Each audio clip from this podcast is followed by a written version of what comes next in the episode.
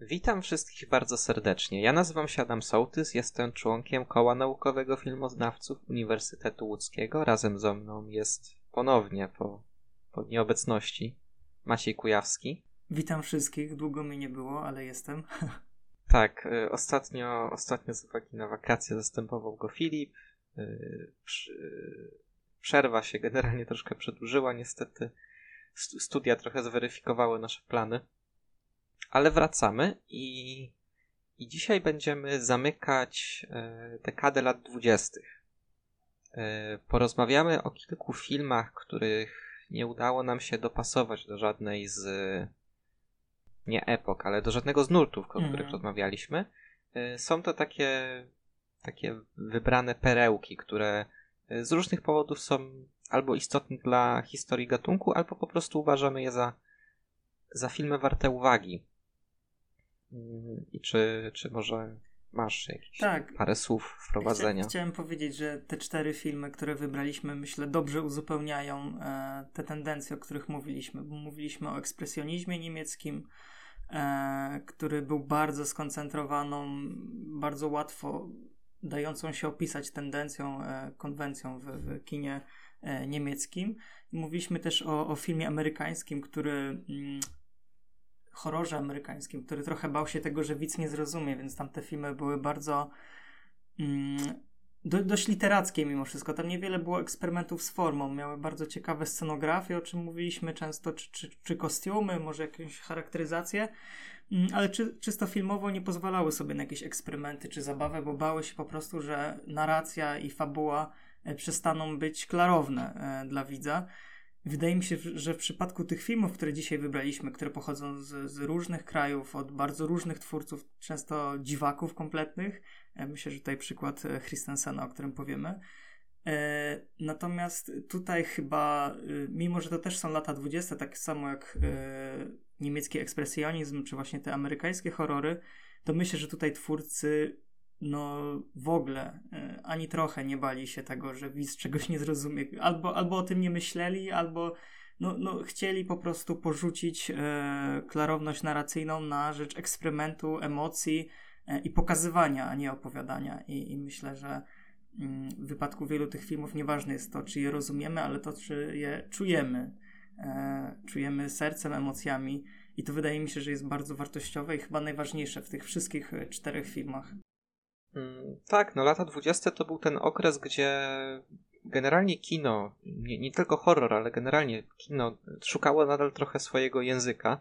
E, już powoli go znajdowało, to było zdecydowanie nastąpiła poprawa względem tego, o czym mówiliśmy na przykład w, w tych latach dziesiątych, gdzie, gdzie to były takie trochę błądzenie po omacku. E, ale poza właśnie tym ekspresjonizmem niemieckim trudno powiedzieć o jakiejś takiej ustalonej stylistyce. Te filmy amerykańskie się dosyć od siebie różniły. Y, czerpały z różnych, z różnych estetyk, gdzie y, no, chociażby człowiek, który się śmieje, był mocno zanurzony w tym niemieckim ekspresjonizmie. Oczywiście z uwagi na, na, na reżysera, który był Niemcem i, i, i, się z, tamte, z tamtego kręgu kulturowego wywodził, y, ale no to te, te amerykańskie filmy były takie, y, to był taki trochę amalgamat różnych pomysłów. I, i bardzo podobnie jest y, w przypadku tych filmów, o których będziemy mówić dzisiaj. I, i, i no, my, myślę, że jest taki jeden powód, dla którego to może być, między innymi dlatego, że każdy jest z innego kraju. I, i jednak też odległość czasowa pomiędzy pierwszym filmem, a, a ostatnim to jest prawie dekada, więc e, szczególnie w tamtym czasie, gdzie to kino się bardzo szybko rozwijało, cały czas się pojawiały nowe pomysły, nowe techniki. E, I myślę, że, że tak naprawdę z takiego krótkiego wstępu, nakreślenia mm, takiego no, tego, o czym będziemy mówić, to tyle. Przy czym też yy, raczej nie będziemy się, myślę, próbowali, przynajmniej ja raczej nie będę się próbował podejmować jakichś prób analizy tych filmów y, pod kątem może nie treściowym, bo, bo to będziemy robić, ale y, no tutaj są jednak filmy trudne, a ja będę na pewno chciał bardziej porozmawiać o, o wpływie.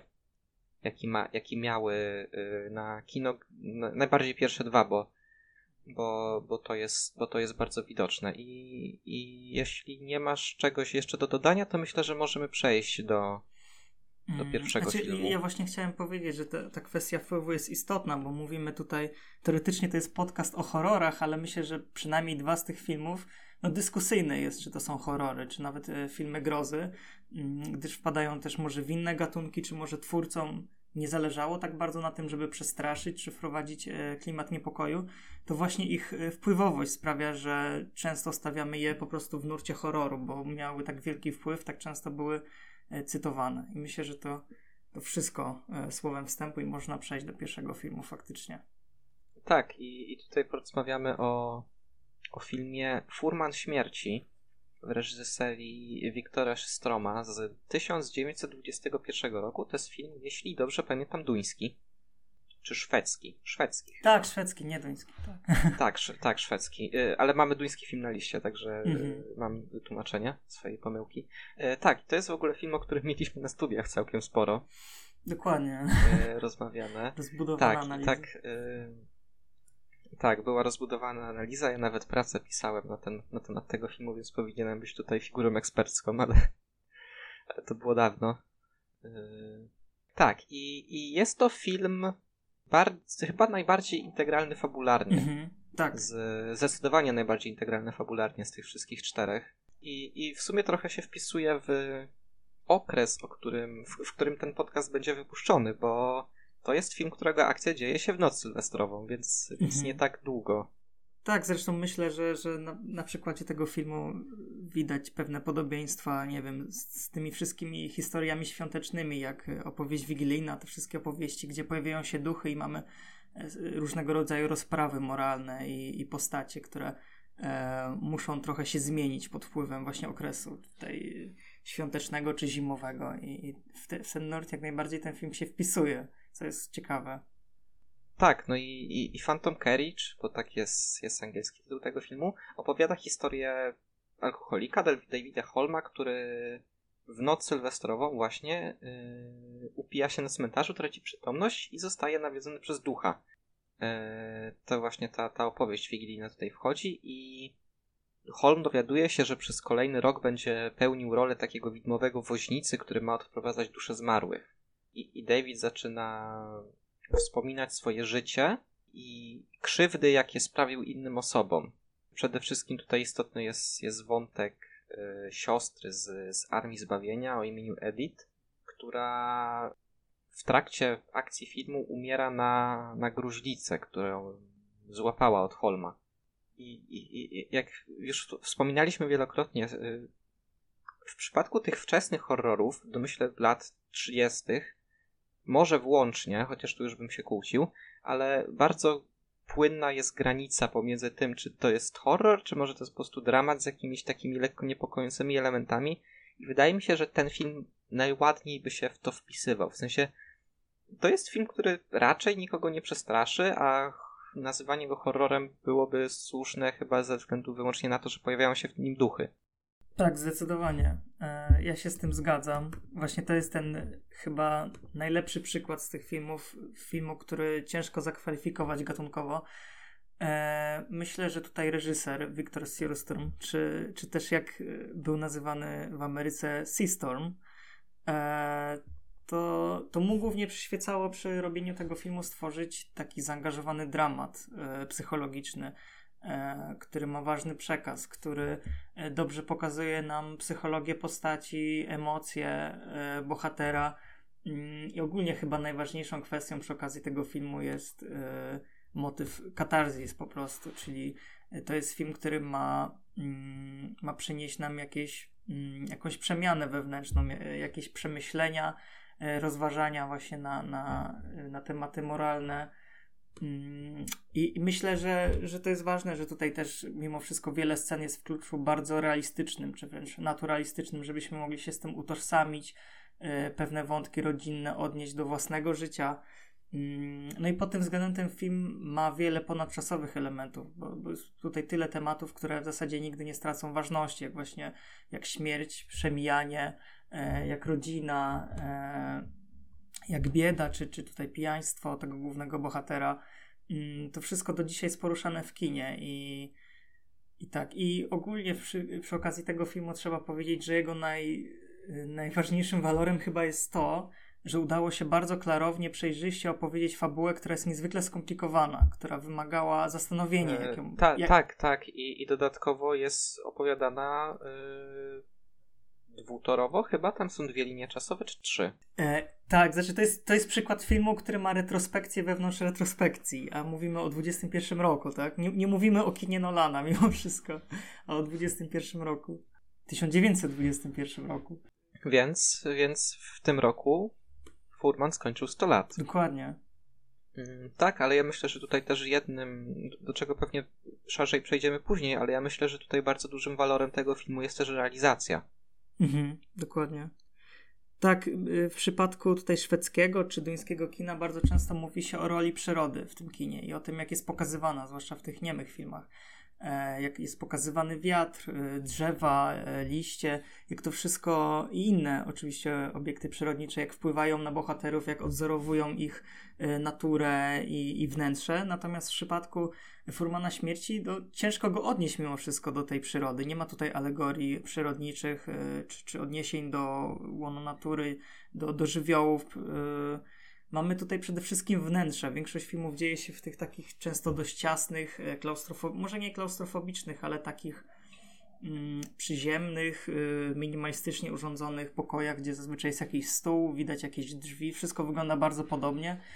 Mm, a, a scen na e, podwórzu jest stosunkowo mało i to wydaje mi się, że jest coś oryginalnego mimo wszystko, mimo że bardzo łatwo autor takiego filmu mógłby się pokusić o różnego rodzaju metafory przyrodnicze, żeby ukazać nam tutaj, e, żeby dodać jakiegoś impresjonizmu czy poetyckiego klimatu, a mimo wszystko tutaj zdecydowano się na to, żeby ten film był taki właśnie ascetyczny i zamknięty w tych e, przestrzeniach domowych, mm, gdzie jest dość szaro, gdzie E, gdzie mamy swego rodzaju monotonię, ale też chyba o to chodziło, żeby wybrzmiał ten po prostu naturalizm i, mm, i, i to taka może nieco izolacja i, i brak ratunku z zewnątrz. Wydaje mi się, że e, w tym wypadku e, ta śmierć, która w tym filmie jest obecna, wybrzmiewa jeszcze bardziej, bez tej otwartości naturalnych przestrzeni przyrodniczych tak, ja się tutaj chcę jeszcze odnieść do tych drzwi, o których wspomniałeś i które mieliśmy bardzo często na zajęciach przywoływane, gdzie ujęć na drzwi jest w tym filmie faktycznie bardzo dużo i te czasami są na przykład jedne otwarte, drugie zamknięte w tym samym kadrze.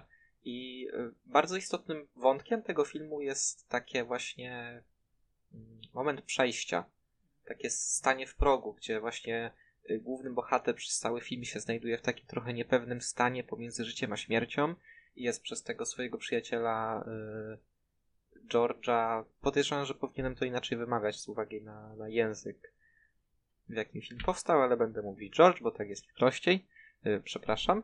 Y, I ten stan, w którym też znajduje się Edith, która też jest na granicy śmierci, i, I, to jest coś w tym, co jest w tym filmie bardzo istotne. A jeśli chodzi o, o te ujęcia na zewnątrz, no to jest to takie, jest ta jedna scena, która naprawdę uważam zapada w pamięć właśnie przez realizację, gdzie y, ten furman wyłania się z morza. Dokładnie, tak, ona zdecydowanie zapada w pamięć i chyba służy jako taka ikonografia tego północnego, północnego szwedzkiego kina. Mm, idealnie nam się jakby łączy z klimatem tego kina, tym jak nam się na pierwszy rzut oka kojarzy. E, tak, a jeszcze co, co do formy tego filmu, to ona jest podobnie jak scenariusz, taka bardzo precyzyjna. Ujęcia są dość długie, e, kompozycje właśnie bardzo dokładne, kadrowanie bardzo precyzyjne. Mm, e, aktorzy zdają się być wręcz poustawiani po tych kadrach. E, I mówię, że, że mimo tego minimalizmu, to czuć w tym e, niezwykłą taką właśnie e, dokładność tej formy. Mm. Tak, jeszcze odnośnie tej tej realizacji, która mnie w tym filmie zdecydowanie interesuje najbardziej, bo efekty specjalne w tym filmie są świetne. Tak.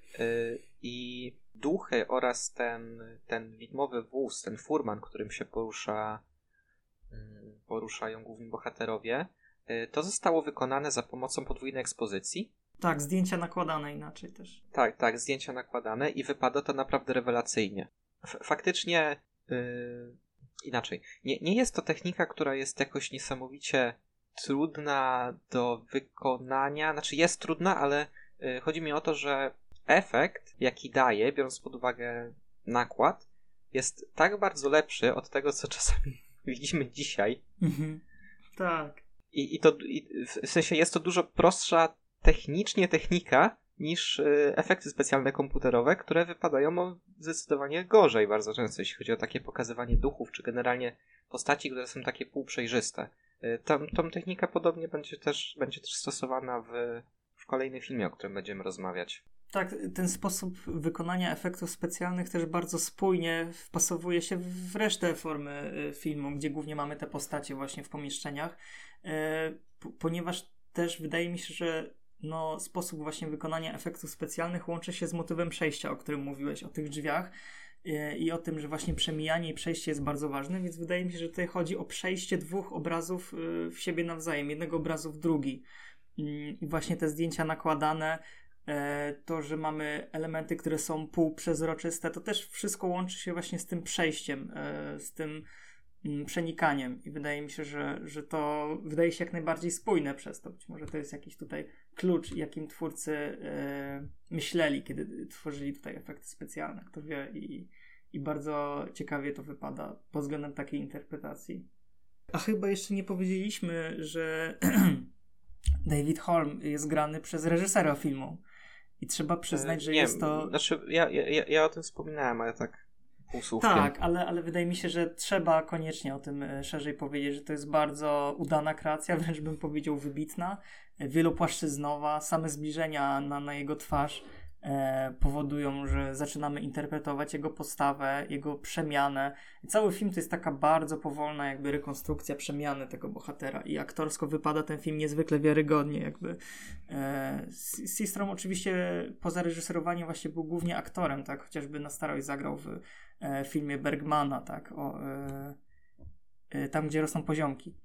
E, I, I też ta kreacja była, wydaje mi się, bardzo podobnie zagrana, mimo że film dużo późniejszy E, to, to jednak czuć taki właśnie naturalizm i, i mimo, że jest to aktorstwo nieco wycofane, nieco minimalistyczne, e, to jest w nim masa emocji i, i to jest fantastyczne, chociaż też wydaje mi się, że e, ciężko jest krytykować film sprzed 100 lat, ale no ja mimo wszystko podczas pierwszego obejrzenia tego filmu, kiedy no nie miałem za bardzo wiele tytułów, żeby go z czymkolwiek porównywać i, i podchodząc do tego filmu E, no myślałem, że będzie to coś pokroju Nosferatu czy innych e, takich bardzo atmosferycznych horrorów i nieco się rozczarowałem, natomiast właśnie ten film się broni jako ten dramat rodzinny, jako historia, realistyczna historia, którą, e, która jest trochę melodramatem, gdzie jest dużo przyziemnych problemów i możemy właśnie, jak już mówiłem, swobodnie odnosić ją do swojego życia, spojrzeć inaczej na niektóre sprawy.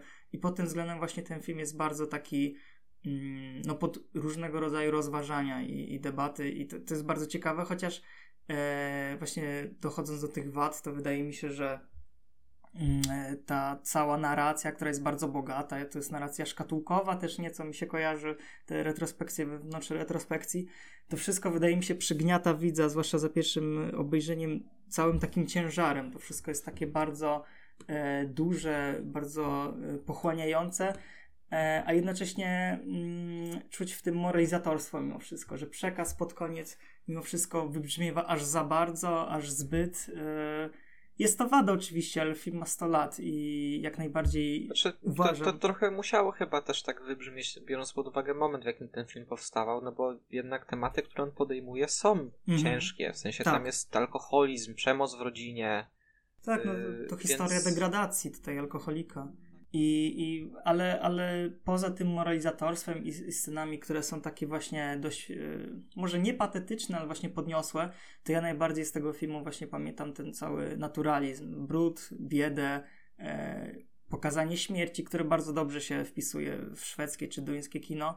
E, i, tak, i turpizm, które, które chyba słynie z, takie, tak, z takiej depresyjności. Tak, i tego, że to wszystko tak powoli się toczy w tym filmie mimo wszystko i scen, gdzie bardzo powoli e, porusza się tytułowy e, właśnie Furman e, no długo trwają, czy też sceny właśnie w pomieszczeniach, gdzie postacie po prostu stoją, też potrafią długo e, trwać i to wszystko jest bardzo spójne, tak? To, to jakby e, nie ma tutaj scen, gdzie nagle ktoś biegnie na przykład i ujęcie trwa 3 znaczy, sekundy. Nie, no, je, je, wydaje je, mi się... jest, jedna, jest jedna scena, o której musimy koniecznie wspomnieć, bo ona była cytowana w, w innym wybitnym tak, filmie. Tak, tak, tak. E, a mianowicie scena, w której, mm, w której David Holm e, niszczy drzwi siekierą. Mhm. To jest scena, która została bezpośrednio za, zacytowana przez Stanleya Kubricka w Śnieniu. Jakby to, to, to, nie był jego pomysł, żeby ten Nicholson e, mhm. rozbijał te, te, drzwi również te, te, toporkiem i, i krzyczał Here's Johnny, ale to jest, to jest scena, która jest przeniesiona właściwie jeden do jednego chyba poza poza słowami wypowiadanymi przez bohatera, ale jeśli chodzi o to, co bohater robi, no to to jest właśnie z Furmana. Mhm. No, ja gdzie, mi... gdzie nawet to jest podobnie kadrowane. Tak, ja mimo, że nie kojarzę Furmana śmierci specjalnie z montażem, jeśli chodzi o środki stylistyczne, to właśnie w tej scenie ujawnia się moc tego montażu i moc zestawienia i napięcie, tak, suspens, którego jeszcze wtedy, wydaje mi się, takiego określenia kino do końca nie znało. Może kilka było takich E, krótkometrażowych, może jakichś historii z, z dreszczykiem. Natomiast tutaj rzeczywiście e, czuć ten strach, to, to właśnie połączenie ujęć i oczekiwanie na to, kiedy bohater właśnie dostanie się do pokoju. Więc no, jak najbardziej scena godna cytowania. I, aha, i jeszcze krótko chciałem powiedzieć, e, na początku chciałem o tym powiedzieć, że polski tytuł, jaki głównie jest znany, to Furman Śmierci, ale bardzo bawi mnie i mam dużo e, takich ciepłych myśli do, do tytułu Wózek Widmo, który jeszcze w niektórych opracowaniach można znaleźć. Jest taki dość staroświecki i archaiczny, ale e, ma swój urok taki, wydaje mi się. Mimo, że może tak, nie... Tak, tak, jeszcze, jeszcze jest ten, jeszcze jest Woźnica Śmierci ewentualnie. A, tak, tak, tak. Tak, no ale, ale myślę, że o Furmanie to tyle i to jest film, który mam wrażenie jest troszkę jednak zapomniany w porównaniu do, do na przykład takiego Nosferatu, czy, czy tych filmów niemieckich z, z podobnego okresu, z tych samych lat. Yy, I niesłusznie, bo jak uwielbiam Nosferatu i to jest jeden z moich ulubionych horrorów w ogóle, tak uważam, że Furman jest lepszym filmem jako całość od na przykład Doktora Caligari nie, nie że mniej istotnym, e, znaczy, czy, czy, bardziej istotnym, bo Caligari jest filmem, który jest niesamowicie ważny nie tylko dla horroru, ale ogólnie dla rozwoju filmu jako medium. No ale ten, ten Furman jest taki trochę, trochę na uboczu, mam wrażenie, że jeżeli się nie siedzi w tej bańce filmowej tak głębiej, e, to, to mam wrażenie, że raczej się o tym filmie nie mówi aż tak często. Hmm. No tak, tak.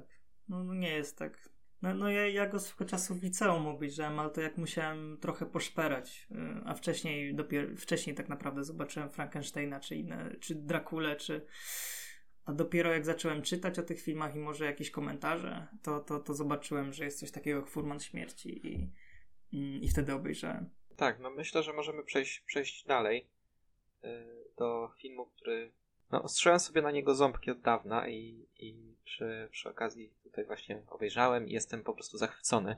I mówię o, o czarownicach e, Benjamina Christensena z 1922 roku, e, czy też jak mówi tytuł oryginalny film Haxan. Jest to taki quasi dokumentalny esej. To, to nie jest fabuła. Mhm. I to jest film, który, znaczy są tam mm, rekonstrukcje fabularne, które przedstawiają jakąś tam historię, ale to nie jest film fabularny w tym sensie, jak rozumiemy to dzisiaj. No to jest taka mani- to jest autorska manipulacja takim pseudodokumentem. W zasadzie autor wręcz bawi się tym, że zestawia to, co wydaje się bardzo dokumentalne z kompletną fantastyką i, i baśniowością. E, trochę tak. E, jakby myślę, że, że ten film Y, gdyby powstał dzisiaj, to on by prawdopodobnie wylądował na YouTubie, na takich kanałach, które się zajmują właśnie wideoeseistyką, przy okazji dokładając do tego takie seki rodzajowe. Mhm. I, I jest to film, który zdecydowanie wpływ wywarł na horror ogromny, konkretnie na horrory o czarownicach jakby ja jestem fanem Eggersa ogromnym i Eggers na pewno oglądał Haxon wielokrotnie przygotowując się do czarownicy. Y, czy też, czy też do Lighthouse, bo, bo mam wrażenie, że, że takie echa stylu wizualnego Haxan są też w Lighthouse poniekąd widoczne. Mhm. Tak. Y ja dodam, że, że właśnie być może pewne kadry czy, czy sceny zainspirowały wielu twórców z tego filmu, ale sama jego formuła, no, nijak trudno znaleźć w historii kina coś podobnego, wydaje mi się. To, jak tutaj jest opowiadana ta historia, znaczy historia, no właśnie ten esej bardziej, to jest taki esej problemowy, bym powiedział. E, I ponownie, jak w Formanie Śmierci, reżyser też gra tutaj jedną z ról, co prawda jest to mniejsza rola, e, gra diabła, mm, co, co jest fascynujące, wydaje mi się. I dużo silniej niż w Formanie Śmierci czuję, że to jest film autorski, jeszcze bardziej, że to jest subiektywna wypowiedź reżysera.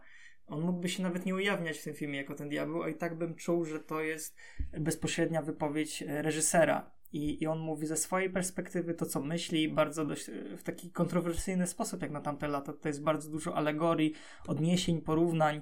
Mm, I wydaje mi się, że to wszystko wymaga analitycznego myślenia jednostki. Tutaj, mimo że właśnie mówiliśmy o tym dokumentalizmie, to, e, to ja tutaj czuję ten subiektywizm przede wszystkim i, i to, że e, nie, nie, ma tutaj obiektywizmu mimo wszystko. E, tak, I, jest, i, ja mam z tym filmem problem, oczywiście nie byłbym sobą, mimo że doceniam jak najbardziej, bo to jest autorska wizja, ma ogromny wpływ. To ten film jest mało filmowy, że tak powiem. Ma, jakby myślę, że mimo wszystko może, możesz się z tym zgodzić, mimo że są walory for, formalne, o których powiemy, mm, to cała ta historia to jest tak uporządkowana, to jest uporządkowanie kolejnych faktów, y, jest bardzo dokładnie podzielona na, na kolejne rozdziały, y, ustawiona jak y, taka książka historyczna wręcz. No nie wiem, no, no mi się mimo wszystko ciężko przez ten film płynęła, w zasadzie nie płynęło, tylko właśnie przedzierało przez te kolejne e, rozdziały, e, mimo że byłem zachwycony wieloma ujęciami czy, czy łączeniem zdjęć, fotografii, rysunków z mm, ruchem i tymi fantastycznymi wizjami, które były bardzo odważne jak na tamte lata, musisz przyznać. Tak, ale w ogóle realizacyjnie ten film jest niesamowity. Jakby ta, tam jest na przykład taka scena, gdzie grupa czarownic leci na miotłach nad miastem. I to zostało zrealizowane w taki sposób, że mm, te ujęcia czarownic, te, te, te, czarownice to była właśnie podwójna ekspozycja, a miasto, które się pod nimi y, przesuwa, to była taka Y, taka panorama, która się obracała, po prostu miniaturka, y, która się zapętlała w nieskończoność i w ten sposób osiągnięto efekt właśnie takiego przelotu.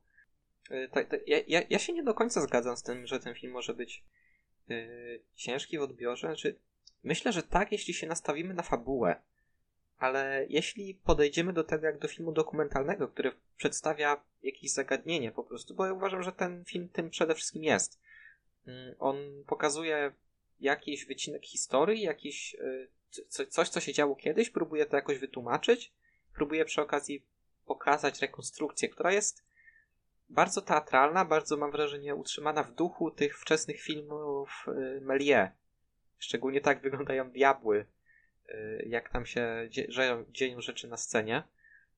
Ten film, te, te rekonstrukcje są właśnie bardzo teatralne ale y, ten film też w bardzo ciekawy sposób, mam wrażenie, i w dosyć odważny jednak pokazuje y, tortury, y, które, które stosowano na tych oskarżanych czarownicach, bo ten film jest w pewnym, w pewnej części, nawet w całkiem dużej części, oparty na słynny młot na czarownicę, czyli ten poradnik łowcy czarownic średniowieczny. Tak, ja chciałem powiedzieć, że cały film jest niesamowicie przewrotny, wręcz czuć w nim autoironię, co, co jak na nieme kino jest jakimś ewenementem, mm, bo to jest coś, co kojarzymy być może z kinem postmodernistycznym zazwyczaj.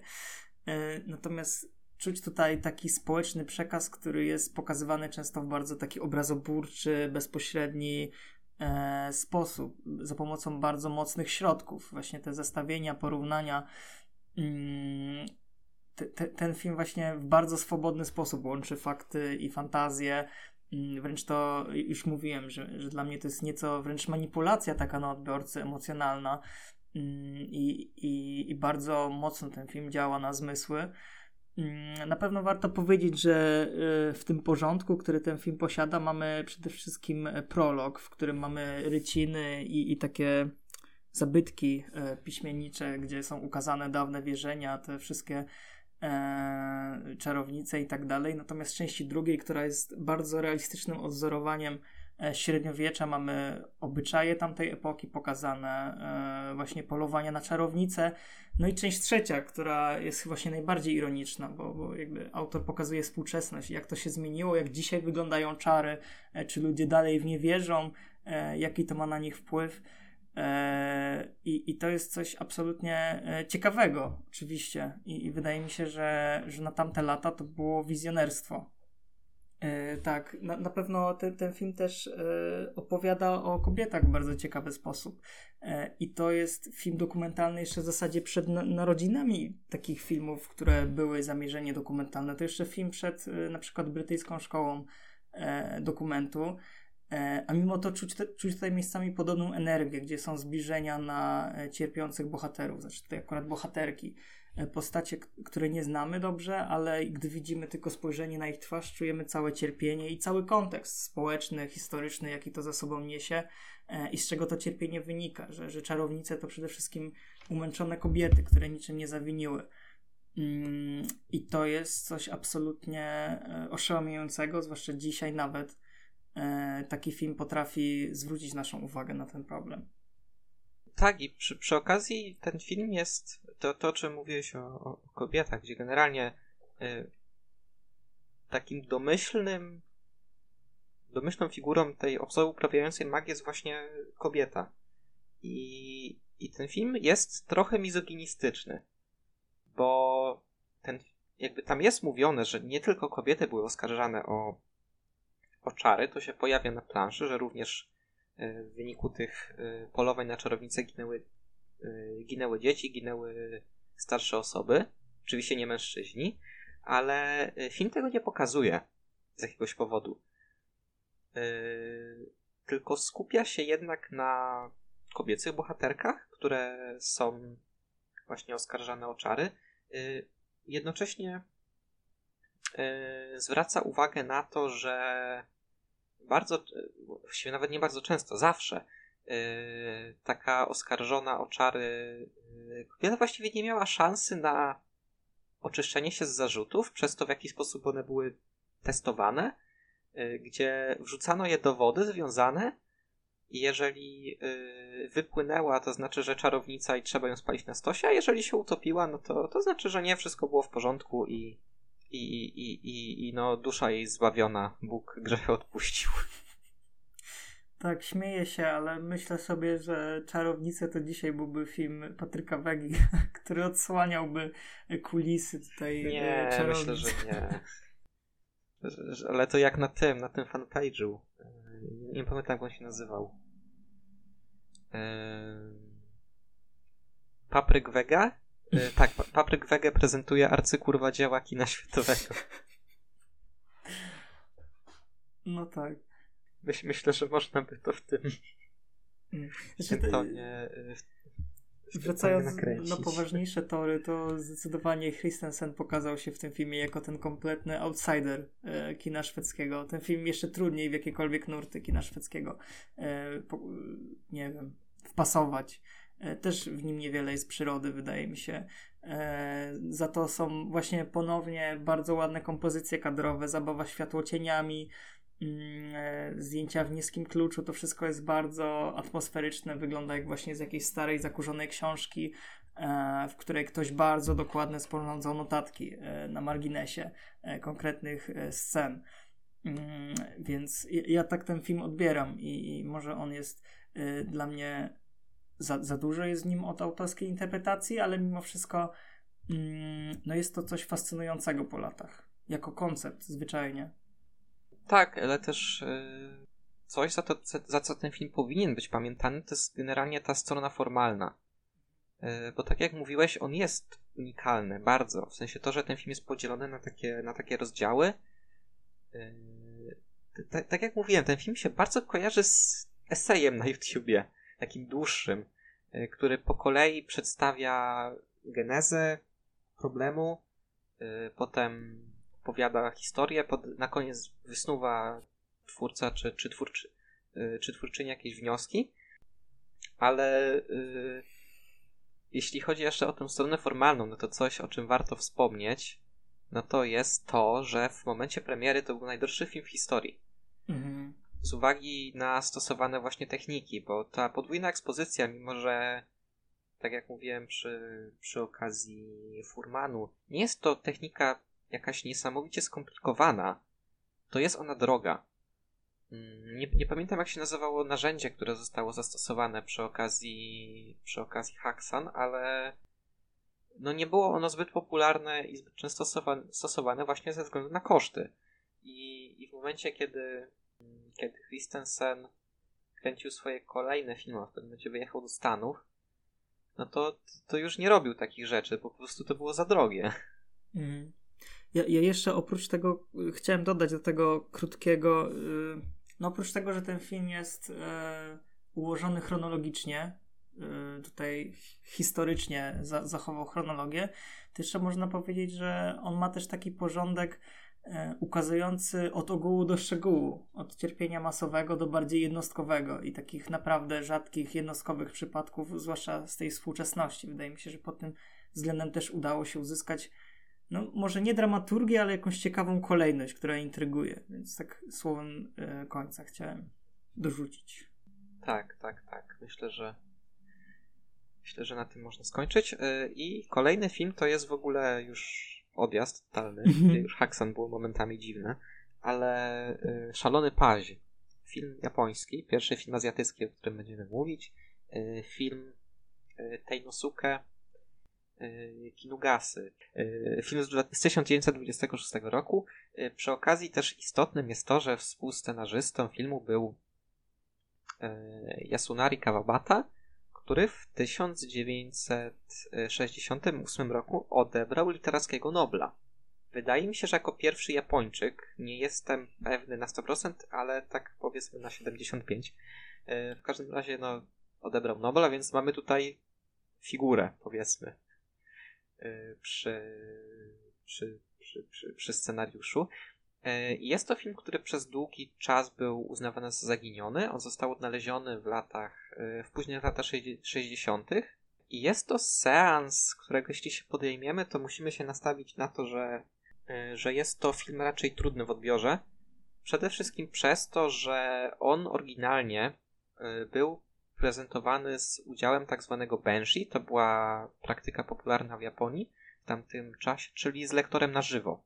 I początkowo to było coś, co było stosowane głównie do filmów zagranicznych, gdzie osoby, które nie potrafiły czytać, i tak mogły zrozumieć, o co się w filmie dzieje, bo po prostu lektor to tłumaczył. Ale później też zaczęto to stosować przy filmach y, rodzimych i z uwagi na to w dostępnych kopiach Page of Madness, bo taki jest oryginalny tytuł, nie ma plansz z napisami.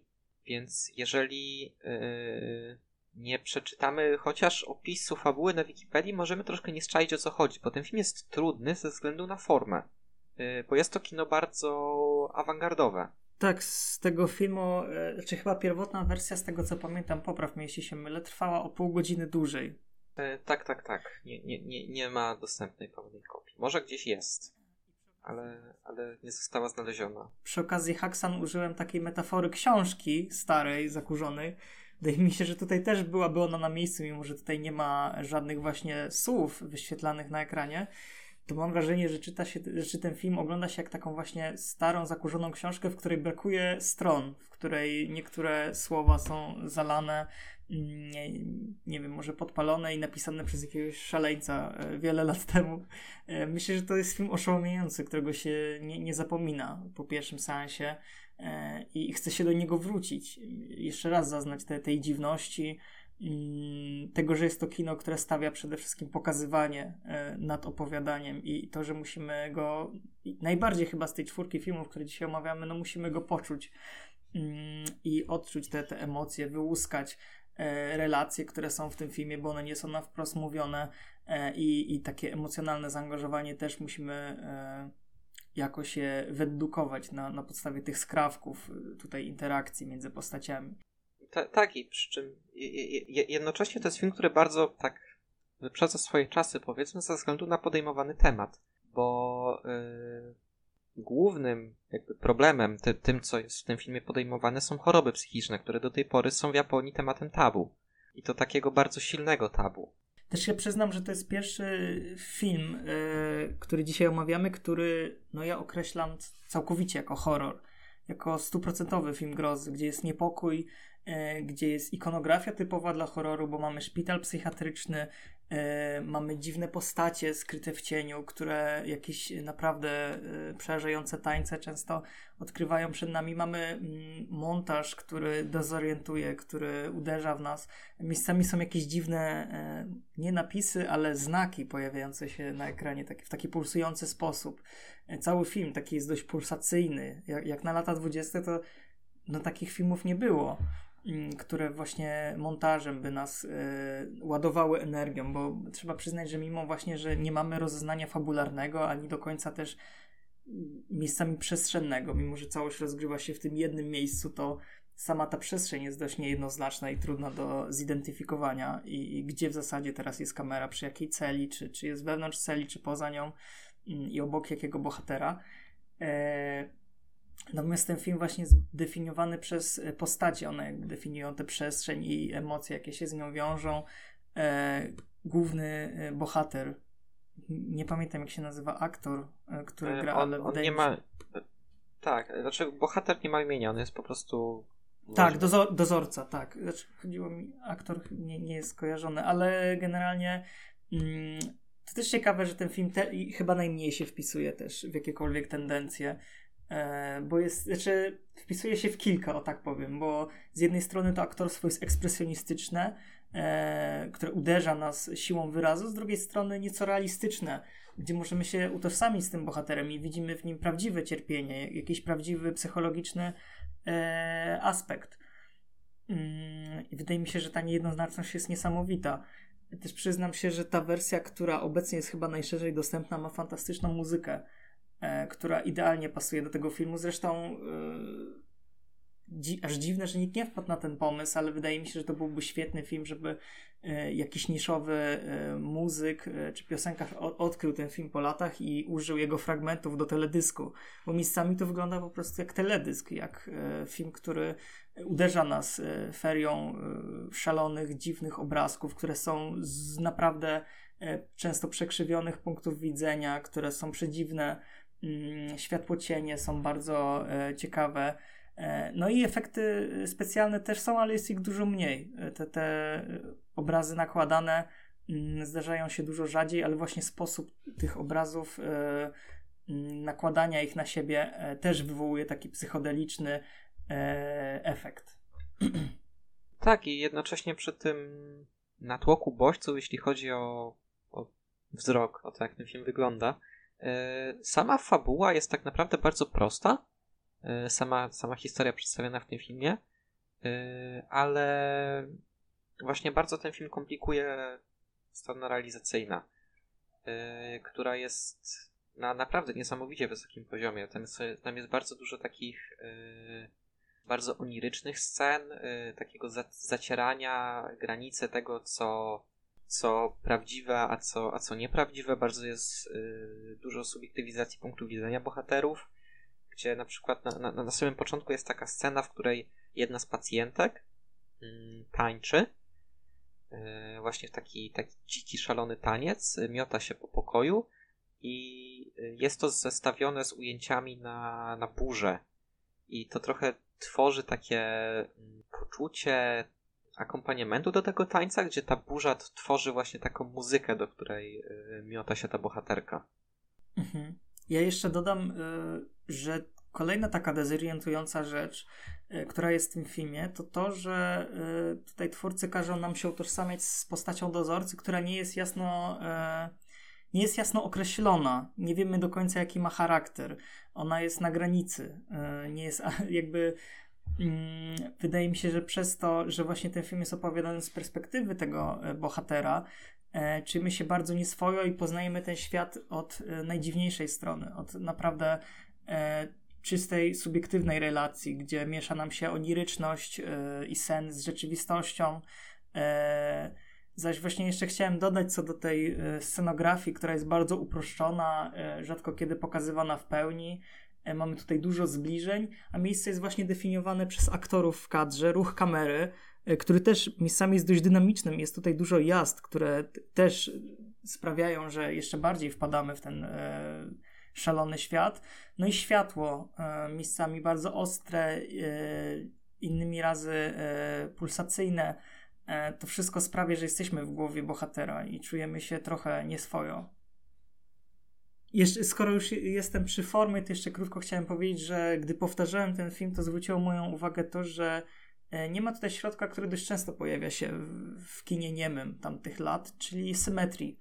E, mimo, że bardzo łatwo dałoby się pokazać e, cele mm, w tym szpitalu w formie, no właśnie symetrii, w formie kompozycji jakiejś centralnej, która by budowała niepokój, co jest do dzisiaj w horrorze cały czas obecne, to ja miałem wrażenie, że niemal cały czas tej symetrii tutaj twórcy unikali i prezentowali świat właśnie bardzo przekrzywiony, wyolbrzymiony, w którym postacie często stoją e, po bokach kadru, jakby e, uciekali od tego centrum i byli e, niezrównoważeni, co, co pasuje, bo są w większości właśnie niezrównoważeni e, psychicznie. Mm, e, tak, i i, I to wszystko oddaje ten taki chaos. Ten chaos inscenizacyjny oddaje klimat. Jest to klimat grozy, ale nie jest on impresjonistyczny. On jest bardziej właśnie ekspresjonistyczny. Ta ekspresja, ta żywiołowość, energia, e, to wszystko przeraża. Nie, nie trzeba robić wcale powolnego filmu, żeby odczuć, odczuć taki niepokojący klimat, jak w Formanie Śmierci czy Upadku Domu Uszerów, o którym za chwilę powiemy. Natomiast y, na koniec filmu jeszcze pojawia się kontrast, gdy mamy po raz pierwszy, być może jeden z niewielu momentów, wcześniej jeszcze się chyba na chwilę pojawiają, ale na koniec mamy te otwarte przestrzenie, które, e, które z całą tą klaustrofobiczną atmosferą e, większości filmu e, no jasno kontrastują. No i e, kilka momentów, w których e, przyroda e, odzywa się na zewnątrz. Mamy biegnącego psa w jednej scenie, co, co, co jakoś tak zapadło w moją, mi, mi w pamięci. Mm, no i właśnie ten, ten wiatr, który jest chyba najważniejszym aspektem przyrody, być może jedynym, który twórcy tutaj zaplanowali, żeby jeszcze bardziej podkręcał tę żywiołowość i e, energię. I, I być może ta ludzka masa to, to jest jakaś siła natury, mamy zresztą taką bardzo y, mocną, y, uderzającą w nas scenę bójki w tym filmie. E, w zasadzie e, wielu bohaterów, którzy właśnie tworzą taką jedną masę, zachowują się jak zwierzęta, co robi ogromne wrażenie. Wygląda to jak taka walka czerni z bielą. No myślę, że, że to jest naprawdę wyjątkowy film i chyba mój ulubiony z tej listy. Że, że nawet jeśli do końca nie rozumiem, co się w nim wydarzyło, to chcę do tego wracać jeszcze raz i jeszcze raz, odkrywać jakieś dziwne e, smaczki w tym filmie. Tak, wydaje mi się, że, że wyczerpałeś temat. tak naprawdę. Ja już ci nie chciałem przerywać, jak żeś w taki słowotok wpadł. Ładnie mówiłeś. E, dobrze, ale ostatni film. E, upadek domu Asherów. E, drugi już Upadek domu Asherów, o którym mówimy. E, tym razem w reżyserii Żana Epsteina, E, film z 1928 roku, podobnie jak poprzednio, Upadek do Maszerów i każdy inny filmowy Upadek do Maszerów, film oparty o opowiadanie e, autorstwa e, Edgara Allana Poe, czyli jednego z chyba najważniejszych pisarzy, jaki kiedykolwiek tworzyli horror literacki. I co ciekawe, współautorem scenariusza do tego filmu był Louis Buñuel. I to czuć. Tak, i to czuć. Yy, tak, w sumie ten film ma troszkę elementów wspólnych z, jak tak teraz myślę, z psem andaluzyjskim. Nie za dużo, ale troszkę by się znalazło. Yy, tak, ale no jest to film, który, który jest yy, z uwagi też na, na korzenie, jakie ma najeżony takimi tropami, które obecnie w horrorach są uznawane trochę za sztampę. Czyli strasznego domu, yy, choroby, czy bliźniaków na przykład.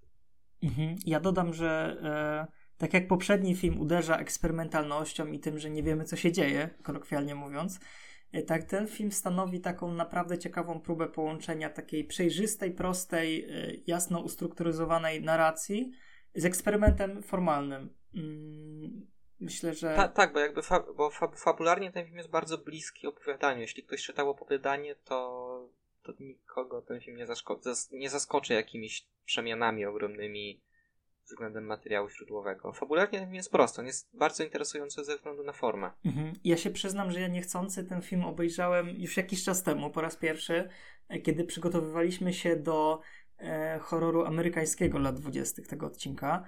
Mm, I już tak, pierwszy kadr, pierwsze do, ujęcia. Doszło, doszło do tego, do pomylenia filmów, tak?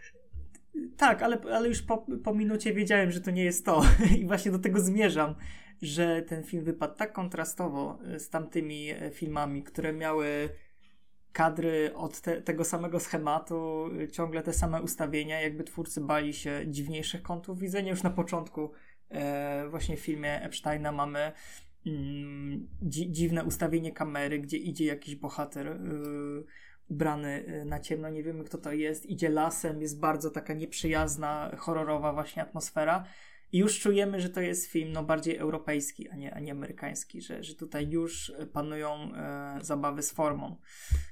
E, tak, i myślę, że, że ta eksperymentalność w tym filmie e, objawia się przede wszystkim przez travelingi, które ja głównie z tego filmu pamiętam. Jazdy kamery w bok, które nie służą koniecznie może panoramie czy ukazaniu miejsca akcji, a bardziej temu, że podkreślany jest poetycki e, klimat tego filmu, jego atmosferyczność, to, że mamy do czynienia z historią artysty, malarza, e, który e, tutaj maluje e, kobietę, która, e, która umiera i e, z tego bardzo przyziemnego problemu mm, można powiedzieć reżyser odlatuje w nieco bardziej takie nie wiem, metafizyczne, bardziej niepokojące klimaty, odlatuje w duszę bohatera, by nam pokazać to, co on czuje, ten cały niepokój i przez to stosuje zdjęcia nakładane, pokazuje nam jednocześnie jego twarz i przyrodę, która też jest bardzo istotna.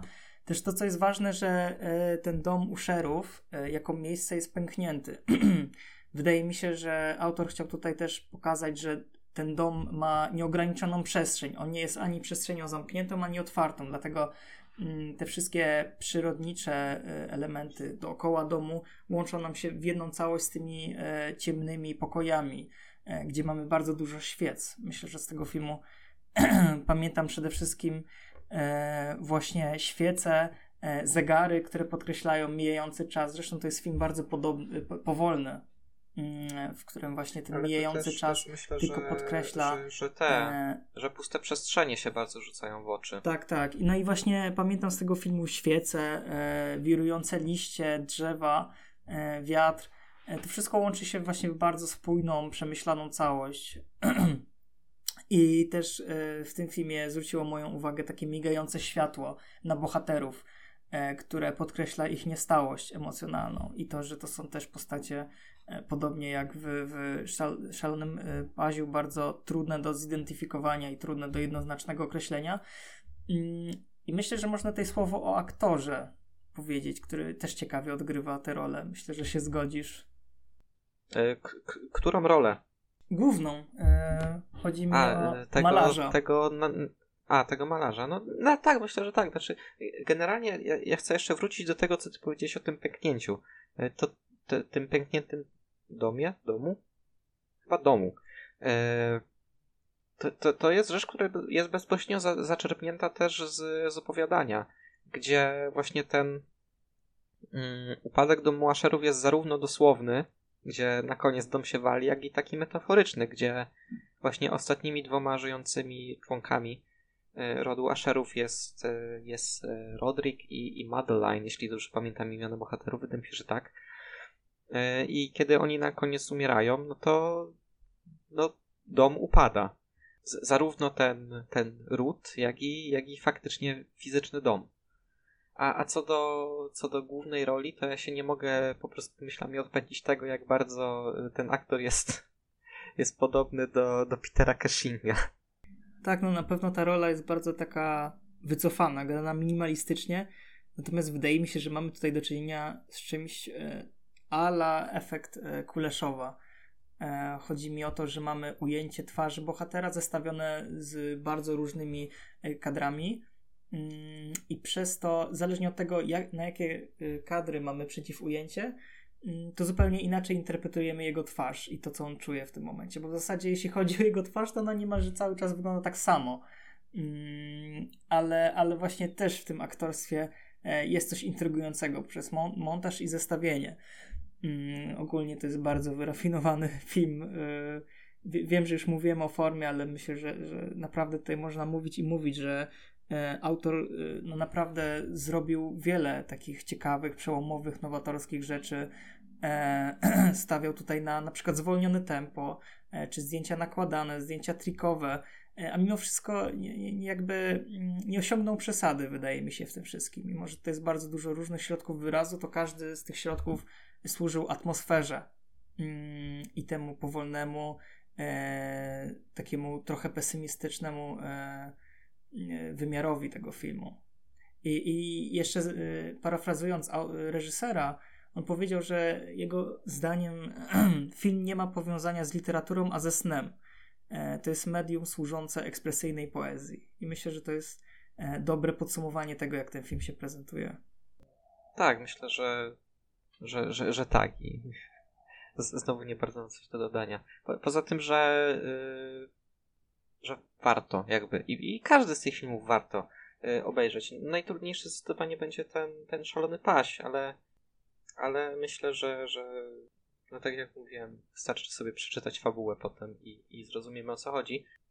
Nie wiem, czy coś jeszcze mamy do tego, do dodania, czy już się będziemy pod, brać za podsumowanie. E, ba, bardzo żeś zdominował ten odcinek, ale ja w sumie też tak no, no poza tym Haxan tak naprawdę niewiele mam wrażenie mam do, do powiedzenia czegoś, czegoś głębszego o tych filmach. Będę mieć następnym razem, bo tam jest bardzo mój temat.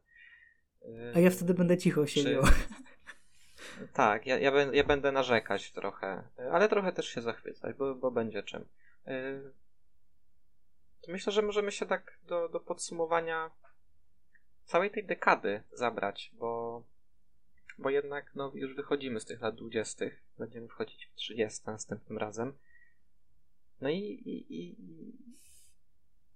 no jeśli jest coś, za co w ogóle warto pamiętać te lata 20, a warto, no to jest chyba przede wszystkim jednak ten ekspresjonizm, który mam wrażenie, że trochę tak niesłusznie przyćmiewa yy, mhm. Tak, czy też ten e, ekspresjonizm to jest taka bardzo e, zamknięta struktura formalna. Jakby tam są określone niemalże dogmaty, czy, czy, czy może nie są jasno zapisane, jak w przypadku, nie wiem, kina dogmy, E, z przełomu e, lat 90. i początku lat 2000. E, tak wydaje mi się, że tutaj rzeczywiście twórcy trzymali się pewnych kluczy i jasno sprecyzowanych reguł. Mm, właśnie ten nacisk na scenografię. Tak, i, i, jednocześnie yy, ekspresjonizm jest bardzo, bardzo chwytliwy. I, i, te, I te filmy, i te filmy, nawet pomijając, yy, właściwie pomijając moment, w którym one wyszły, one są łatwe w odbiorze. I, mhm. I, zdecydowanie mam wrażenie, że dla takiego niedzielnego widza prostszym sensem będzie Nosferatu czy Gabina doktora Caligari niż właśnie obejrzenie takiego szalonego pazia, który jest filmem trudnym. Ten film też ze znaczy film, boże, nurt e, ekspresjonizmu e, ze względu na, na takie właśnie często sprecyzowane mm, zabiegi formalne i, i zasady, czy sposób aktorstwa E, no on był skazany na wymarcie mimo wszystko, bardzo szybkie wydaje mi się, że mimo, że e, mamy w nim naprawdę wybitne filmy, e, które do dzisiaj są wspominane, do dzisiaj cytowane, to nic dziwnego, że po latach dwudziestych już nikt nie tworzył filmów stricte ekspresjonistycznych, bo to jest nurt, który z natury jest nieco archaiczny, z natury jest bardzo taki właśnie mało otwarty na innowacje i, i, i zamknięty, ale jest to bardzo ważna część kina.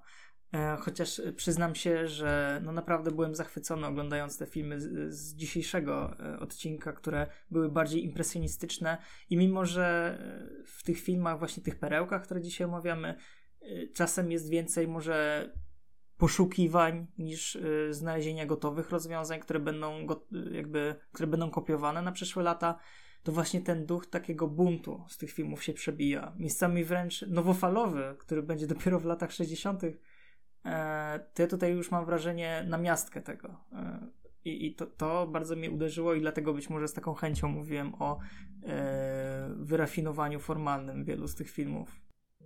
Tak, no tutaj te, myślę, że te, te dwa ostatnie, ten właśnie Szalony Paź i, i Upadek Domu Aszerów, to są te filmy, które są tak trochę bardziej pod ciebie.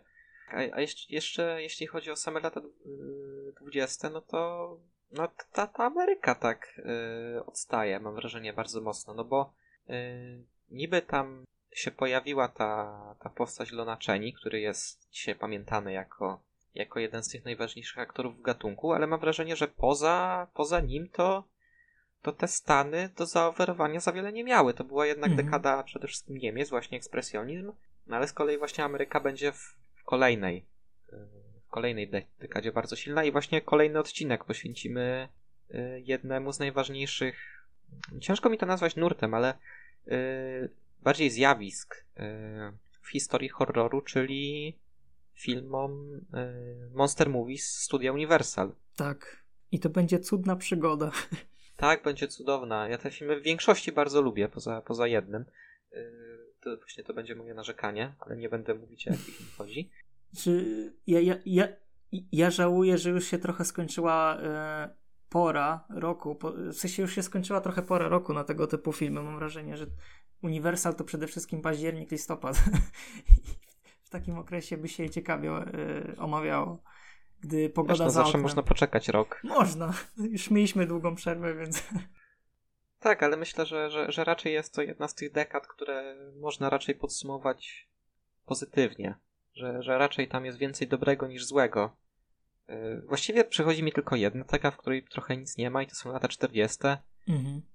Mm, gdzie była straszna bida, jeśli chodzi o, jeśli chodzi o horror, ale, ale te 20 no to tak. 20 chyba wniosły nawet więcej niż 30, o tak powiem. I więcej niż 10 na pewno. To, to jakby jest oczywiste, ale myślę, 30... myślę, że myślę, że jeśli chodzi o samą estetykę, to na pewno, ale no te jednak 30 są chyba troszkę bardziej pamiętane ze względu na te filmy Uniwersalu. Mhm. Gdzie jednak jak myśli się w tym momencie o wampirze, to się myśli o Billy Lugoshim, jak się myśli o Frankensteinie, to się myśli o kreacji yy, Borisa Karlofa i tak dalej. Mhm.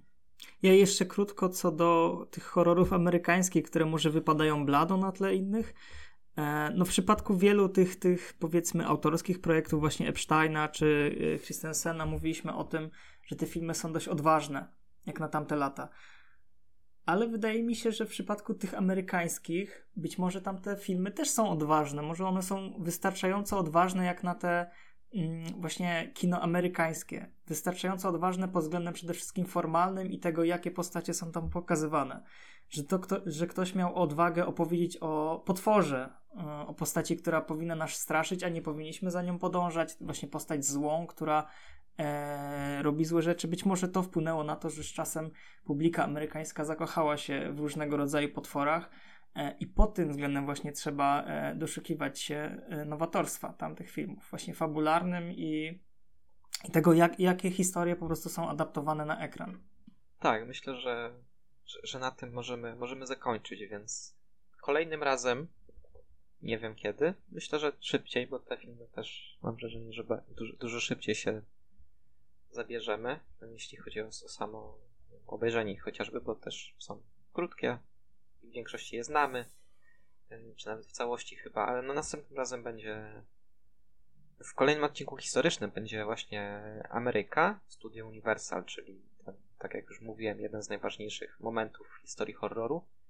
Y, a następnym epizodem będzie odcinek specjalny świąteczny z jeszcze bardziej specjalnym gościem, ale nie zdradzam o kogo chodzi. Y, bardzo się cieszę, że, że ta osoba się zgodziła. Mhm. Tak, dzisiaj mówiliśmy o filmach ciężkich, a za tydzień, znaczy za, w następnym odcinku będzie e, dość e, luźno i przyjemnie. Tak, bo będziemy mówić o, o horrorach ze świętym Mikołajem w, w różnym tego słowa znaczeniu. Tak więc żegnamy się. Mówili Adam Sołtys i Maciej Kujawski. Gdzie duch się boi?